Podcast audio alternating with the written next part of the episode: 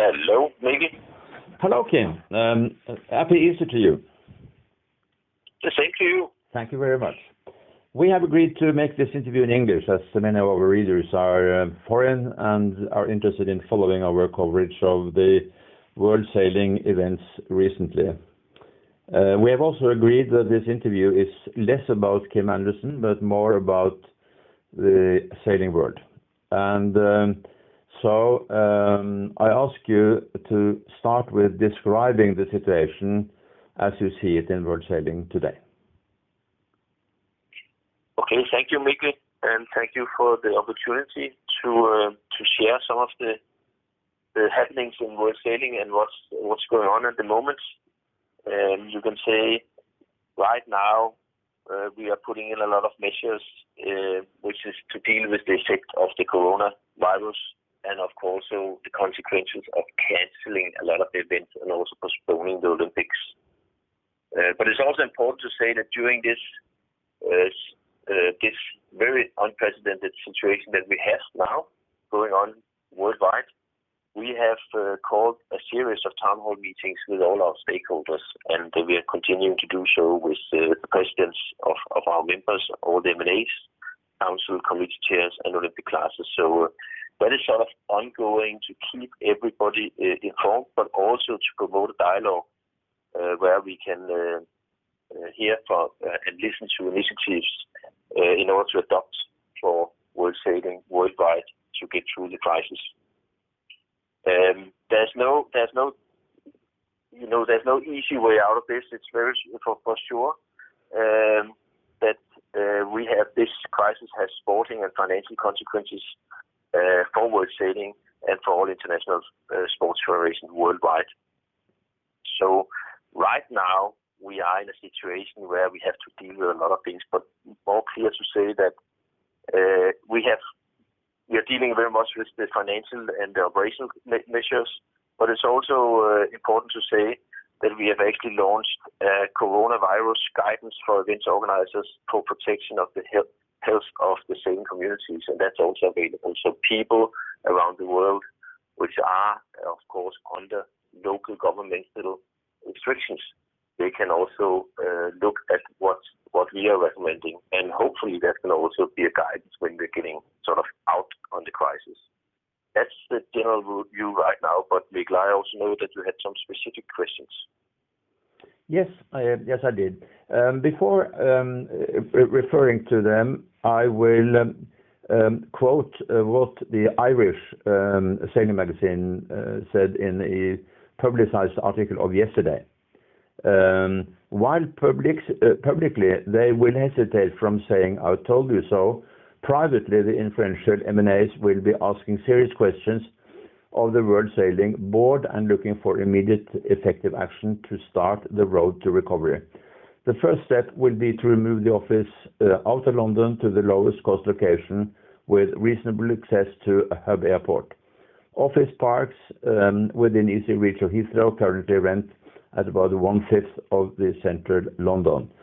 So this puts me uh, right into the first question. Um, how are you dealing with the um, the uh, office situation in London right now? Okay. Office situation is one. There's several effects you can say uh, that we are dealing with. But uh, maybe just uh, to take them step by step, um, because office is one, but uh and and maybe also coming back to um, to the whole office situation, which has been a discussed for a long time. First of all, maybe just going back to when the decision was made to move to London, and that was actually made coming out of the election in Barcelona and beginning of 17, This new board was challenged with two things. It was challenged by having to uh, adopt to a situation that the lease, I think it was 20, 25 years old in Southampton, has expired, and it could not be extended in the existing premises. So we had to move one way or the other. Coming out of that, of the of the annual meeting, there was a lot of suggestions from sailing world and also a lot of, uh, uh, you can suggest uh, verbally written made statements about that we should relocate outside U.K. to Lausanne or to Monaco as some of the council members they suggest. What the board did, they actually analyzed a lot of the options. They analyzed London, Southampton, Barcelona, Valencia, Geneva, Lausanne, øh, and Monaco. And they were they were analyzed on different criteria uh, regarding um, accessibility, you know, how and and to relocate uh, the the staff and things like that. So I think there was, let's say, seven or eight parameters evaluated on each of these uh, locations. Um, then it's also important to say that the board, the new board, they were given a budget um, for the coming four years period based on a lot of commercial incomes. I would say a lot, it was actually what we had at that time. But of course, there was a lot of, there was for the whole four years uh, a prediction of an income. And that was actually just to say that there were two factors that sort of triggered the move. One was, uh, you can say the the rental situation. The other one was the the in there was the wish from the sailing community to have a more international hub. And the third one was that it was all the decision made was based on uh, a budget uh, linked to some assumptions on commercial income, which which later uh, showed not materialized. So that is that is a little bit of the history. Now, coming back to where we are now, of course, the situation is is very much changed and the and and the lease cost is is a dominant factor, and it's a fixed cost that needs to be reduced. And that is one of the issues we're discussing with the landlord. Uh, several options are available for doing that. That is, uh, of course, uh, having a reducing the lease, then it's also reducing the area square meter or moving the office within a certain distance from where we are now to a cheaper location. That's the three things going on on the rental issues. Um then we are also discussing with the senior management and with all the employees about a furlough scheme in order to reduce costs and also uh, to uh, agree on some salary adjustments in order to get the whole organization through this period. Of course, Øh, it's important for World Sailing to keep the organization together. I think we have a good organization uh, and we would like to, when I'm saying we, then it's the board, we would like to keep them together uh, and make sure that we can have have this organization going forward also after the crisis. And they are also very cooperative in adjusting and being flexible. So that's where we are right now on this issue. Then We have been through, of course. Excuse me uh, for stopping you here, um, Kim. Um, I would like to um, uh, address the um, employment situation uh, a little bit later. But back to the office uh, situation where it was decided to move from Southampton to London. I know that there were certain income issues that did not were not fulfilled, and I think one of them was a sponsorship agreement with um, Gazprom in Russia that um, um, I understand was canceled unexpectedly. And um I have uh, records here saying that uh, the sponsorship loss amounted to about 4.8 million pounds uh, early in your period. Can you comment on that? I I, I think first of all, Mikkel, I don't think it's it's, it's fair to any sponsors that we've had an agreement with and have closed down that uh, that we sort of comment on the the direct sponsor things. But I can say the amount that you're mentioning there is is, not the amount that uh, was missing. I can say that if you're, if you're talking about amount missing according to the budget assumptions, then it's 3 million. Okay. But surely that amount uh, came into account when you were evaluating the whole situation related to moving um, uh, uh, from a small rent in Southampton to um, a quite high rate in premium area in in London. It's also um, recorded that the relocation costs were about 1.1 million pounds and uh, uh, the re-platforming of digital services amounted to 300,000 uh, pounds. Can you comment on that? Sorry, Mikkel, your assumptions are wrong concerning timing, because I would say the board when taking on, you can say, being voted in and starting the process and having to to work with the relocation. That was the first thing we were sort of tasked with. And I don't know by memory now if it was first of April or first of May that we had to be out of the office. So during that period, uh, you can say we had expectations that the contracts that we were sort of uh, had in our budget on assumptions would actually materialize. Then it's right that during this process, uh, we had some concerns when we were in, you can say, when we already were in the social planning of negotiating to move the staff to London and things like that. It was not like we had any warnings before we started the process. I think that's also very important for the objectivity when you're looking back on what actually happened. What we did was that we acted on the assumptions given in the budget and also on the timing of the lease expiring. That was either 1st of April or 1st of May. Um, that's where it is. And and to all the figures that you're mentioning here, uh, Mikkel, I I don't have all the figures in front of me right now. So I can I can get the principles right, and I can get the timing right, and this is what I'm doing here. So again, back to the budget, I think when you're looking at the budget assumptions that we entered on and over the full period, we are talking about missing, uh, you can say, income for around 3 million. That's also why lately when it has been recorded by by some of the uh, uh, the news that we were missing 3 million, that's actually correct. What you can say if we are looking at what the board has done in the in the years in between, they have actually corrected and uh, made savings in order to to catch up on the 3 million. When we're looking at this year's budget before the corona crisis, we are not missing 3 million. and That was all recorded and dealt with, Uh, also explained to the council in our annual meeting in Bermuda. So they were all fully informed what was going on, what was missing, and what was missing for this budget. And that was not 3 million because, of course, the board has been acting after we were uh, tasked by seeing that this uh, income was not materializing to adjust accordingly. So that's I think that's what I have to say about the move from Southampton to London. Okay. When was it decided that you had to borrow money um, with uh, uh, collateral from the uh, savings of World Sailing on this fund in Isle of Man?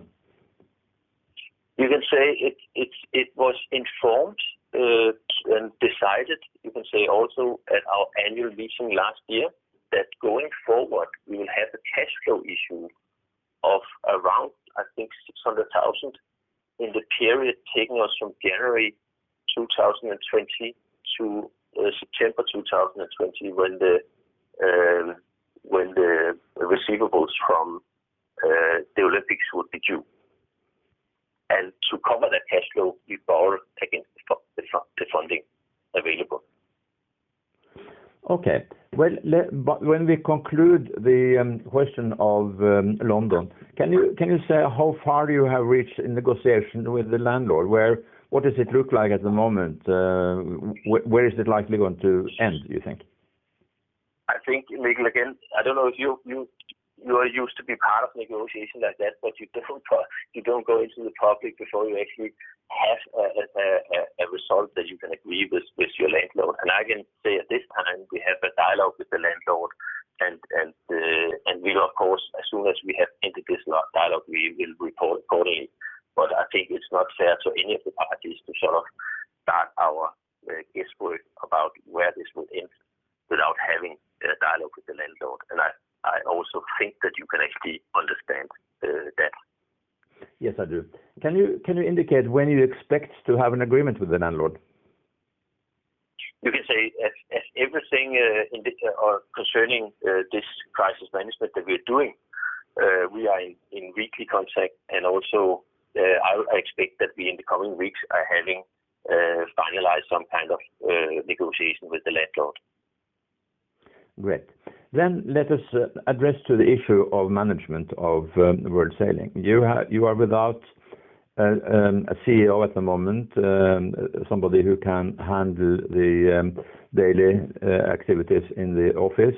And I know that you're looking for somebody to replace Andy Hunt, who stopped just before the AGM in Bermuda. Um, how far are you in in these uh, efforts to find a new uh, CEO? Again, maybe I think it's not uh, correct when you're saying that we don't have any daily management. Um, again, just to take you back to what was agreed after the November meeting, together with the staff and the senior management team in place, we agreed that they should continuing managing World Sailing, and then they should, of course, report to the board.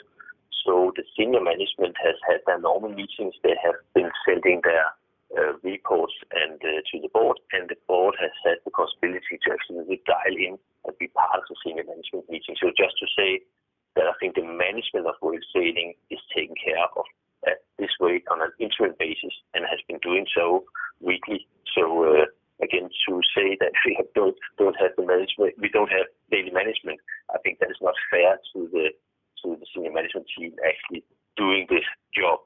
Then coming to to the other issue about hiring a CEO, I think it's very clear for everybody, and also we have also uh, you know, had dialogue with our um, uh, M&As at our town hall meetings. And there the message was the same, that we, the board, decided to make a recruitment. The board is uh, has sort of done its uh, you know, source and recruitments, and we have now candidates that we are wanting to hire for the job, which uh, has the right profile and has the right background. And right now, we would, of course, like to to make sure that we have an overview about where we are on the budgets going forward. And having said that, you know, with this uh, virus, there has been some uh, it has been a surprise for, I think, for everybody and also still is how to get the crisis and now how to get on out. So we are still uh, planning to hire a CEO, but we would like to have a better view on our finances before we actually going forward doing so. And that, I think, is a very natural consideration given the circumstances, both for the CEO and for World Sailing. That's the status on the hiring. That means that you are satisfied for the moment that the um, management of World Sailing is uh, taken care of by a senior group of uh, people within the existing office? Given the circumstances, I can say we are satisfied with that. But clearly to uh, to lead World Sailing and also to lead World Sailing once we are sort of in the crisis now and taking us out of the crisis, I think the organization and also the lead needs a CEO, and that's what we are working on. Okay. Let us then address the issue of the personnel. You have, I don't know, 27 people working for World Sailing at the moment. Um, are they all in work or are somebody um, um, uh, relieved on a temporary basis, or how do you look at that? How do I look at that? First of all, I think when you're going into this crisis, there are several uh, phases. The first phase is that people are very you know, uh, uh, busy by adopting. And when I'm saying adopting, that is not only the the people working in the office, but that's also servicing the M&As. You can imagine in the beginning of the crisis, there was a lot of work also moving Uh, qualifiers for the Olympics, changing events organization, dealing with all sorts of issues on a daily basis, which was new to our organization. So I think to be fair to our employees, they were working very hard to adapt to that. Now we have sort of reached a stage where we are also seeing the furlough proposition from the U.K. government, and we can now adjust the effect that it could have using these schemes. And this is why we have spent the last week discussing with the SMT, the senior management team, and the employees of how to adopt uh, the best possible way uh, to serve the sport. And this is this is uh, what we are going to do. We are going to use the furlough scheme going forward for most of the employees and on a short term, and then have the opportunity to sort of reattach the employees to World Sailing depending on their activities going forward. So that's that's what we're working on now, and that scheme is is now being put into place. Okay. Um, where do you stand um, in relation to this um, relief system that is uh, employed by the U.K. government? Uh, do you think that there is some uh, means for the world sailing there? When you're talking relief system, you know, furlough is of course one relief system, being able to uh, to put your employees into a furlough system so you get 80% covered up to a certain amount. And that is that is what we are utilizing at the moment. Then of course, we are seeking for the relief, right, uh, when you are maybe what I think you are mentioning is the cash relief systems that you can apply for uh, in this. And of course, we are also applying for those. And you can say on on that level, we are applying for those. And and we also, as as I think already told you previously, but for this interview again, uh, of course, in dialogue with the IOC on how to get a forward payment into our facilities uh, of payments which are due to come uh, with one year delay. Right. Um, I I gather that the IOC um, issue is one of the most important things because when you're dealing with the current situation, one thing is to um, reduce cost, another is to uh, increase income. And uh, everybody will understand that it is very serious to have uh, um, an amount, I don't know, about um, 10 million euro or even more, postponed by one year. That will obviously affect World Sailing and also other organizations seriously. So everybody will Um, understand um, that it is important to get um, some advance money. And I suppose that what you can ask for at best is one-fourth of the amount uh, which is expected to be due uh, next year. Of course, one complicating figure here is that within uh, IOC, they don't know the cost of postponing because they would probably have to share some of the extra costs with the Tokyo Olympic uh, Committee. Um, and that will affect the ability to pay out to the associations. Yeah. I think if you you think you said up to now, that's probably um, a lot of the logic that is going wrong. I can say, um, if you're looking into what what is World Sailing doing, we are at the board level. First of all, we have decided on a task force Øh, of four board members who are actually working on this issue daily. Øh, øh, this task force is dealing with a couple of scenarios depending on the activity levels of World Sailing going forward into end of September next year when the Olympic money should be due after the Olympics. Again, when I'm saying like that, if you're just reading the newspaper now and if you're following on the situation, there's still a big concern about everything. But right now, that's of course the planning horizon that we are expecting that end of the year we will be at a, you could say, at a situation where we are seeing some of the world is reopening. But how fast they are opening, nobody knows. And this is also why when in dialogue with uh, with CAS as organizers, we actually we are not 100% sure how it would affect uh, even our sailing activities beginning of next year. So this is of course a big concern that we're having. But this is how this is sort of the planning that we're doing against right now. And then you can do it on different levels. You can have a planning mode where you're saying one scenario can be that you are of course cutting costs to a minimum, and then you're also trying really to to make sure that your activity level is also kept to a minimum until you sort of start up again. And then uh, then keeping it at a minimum until next year. That's one scenario. The other scenario is to to make sure that you are having uh, funding in order to run, you can say, a normal mode when this uh, the activities are picking up and we are coming out the crisis as we are in right now. And this is uh, this is something that we are.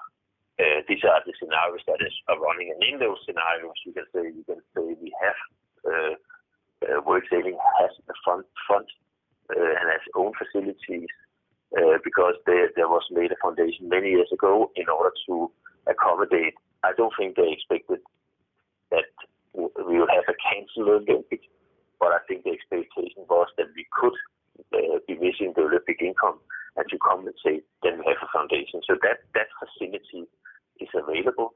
Going forward, but it cannot cover the missing facility from uh, uh, the missing income from the IOC. And this is what we're looking into. So I'm just saying it's not like we are not having any funds available, but it's definitely not enough to cover our normal activity level. Okay. The third scenario is that you will not get support from IOC. Um, um, where do you stand then? Can you do you have sufficient uh, resources to run World Sailing uh, until 2021? As I said, that's more, you can say you have you have the possibility, of course, uh, discussing with the IOC in order to get support from the IOC. You also have the possibility to seek for support outside the IOC based on the expectation of the money receivable from the IOC and also Uh, the funding that we have ourselves. So I would say uh, there's at least three scenarios that we are looking into. And uh, in those scenarios is that we should be able to run World Sailing until the receivables of the IOC money for next year.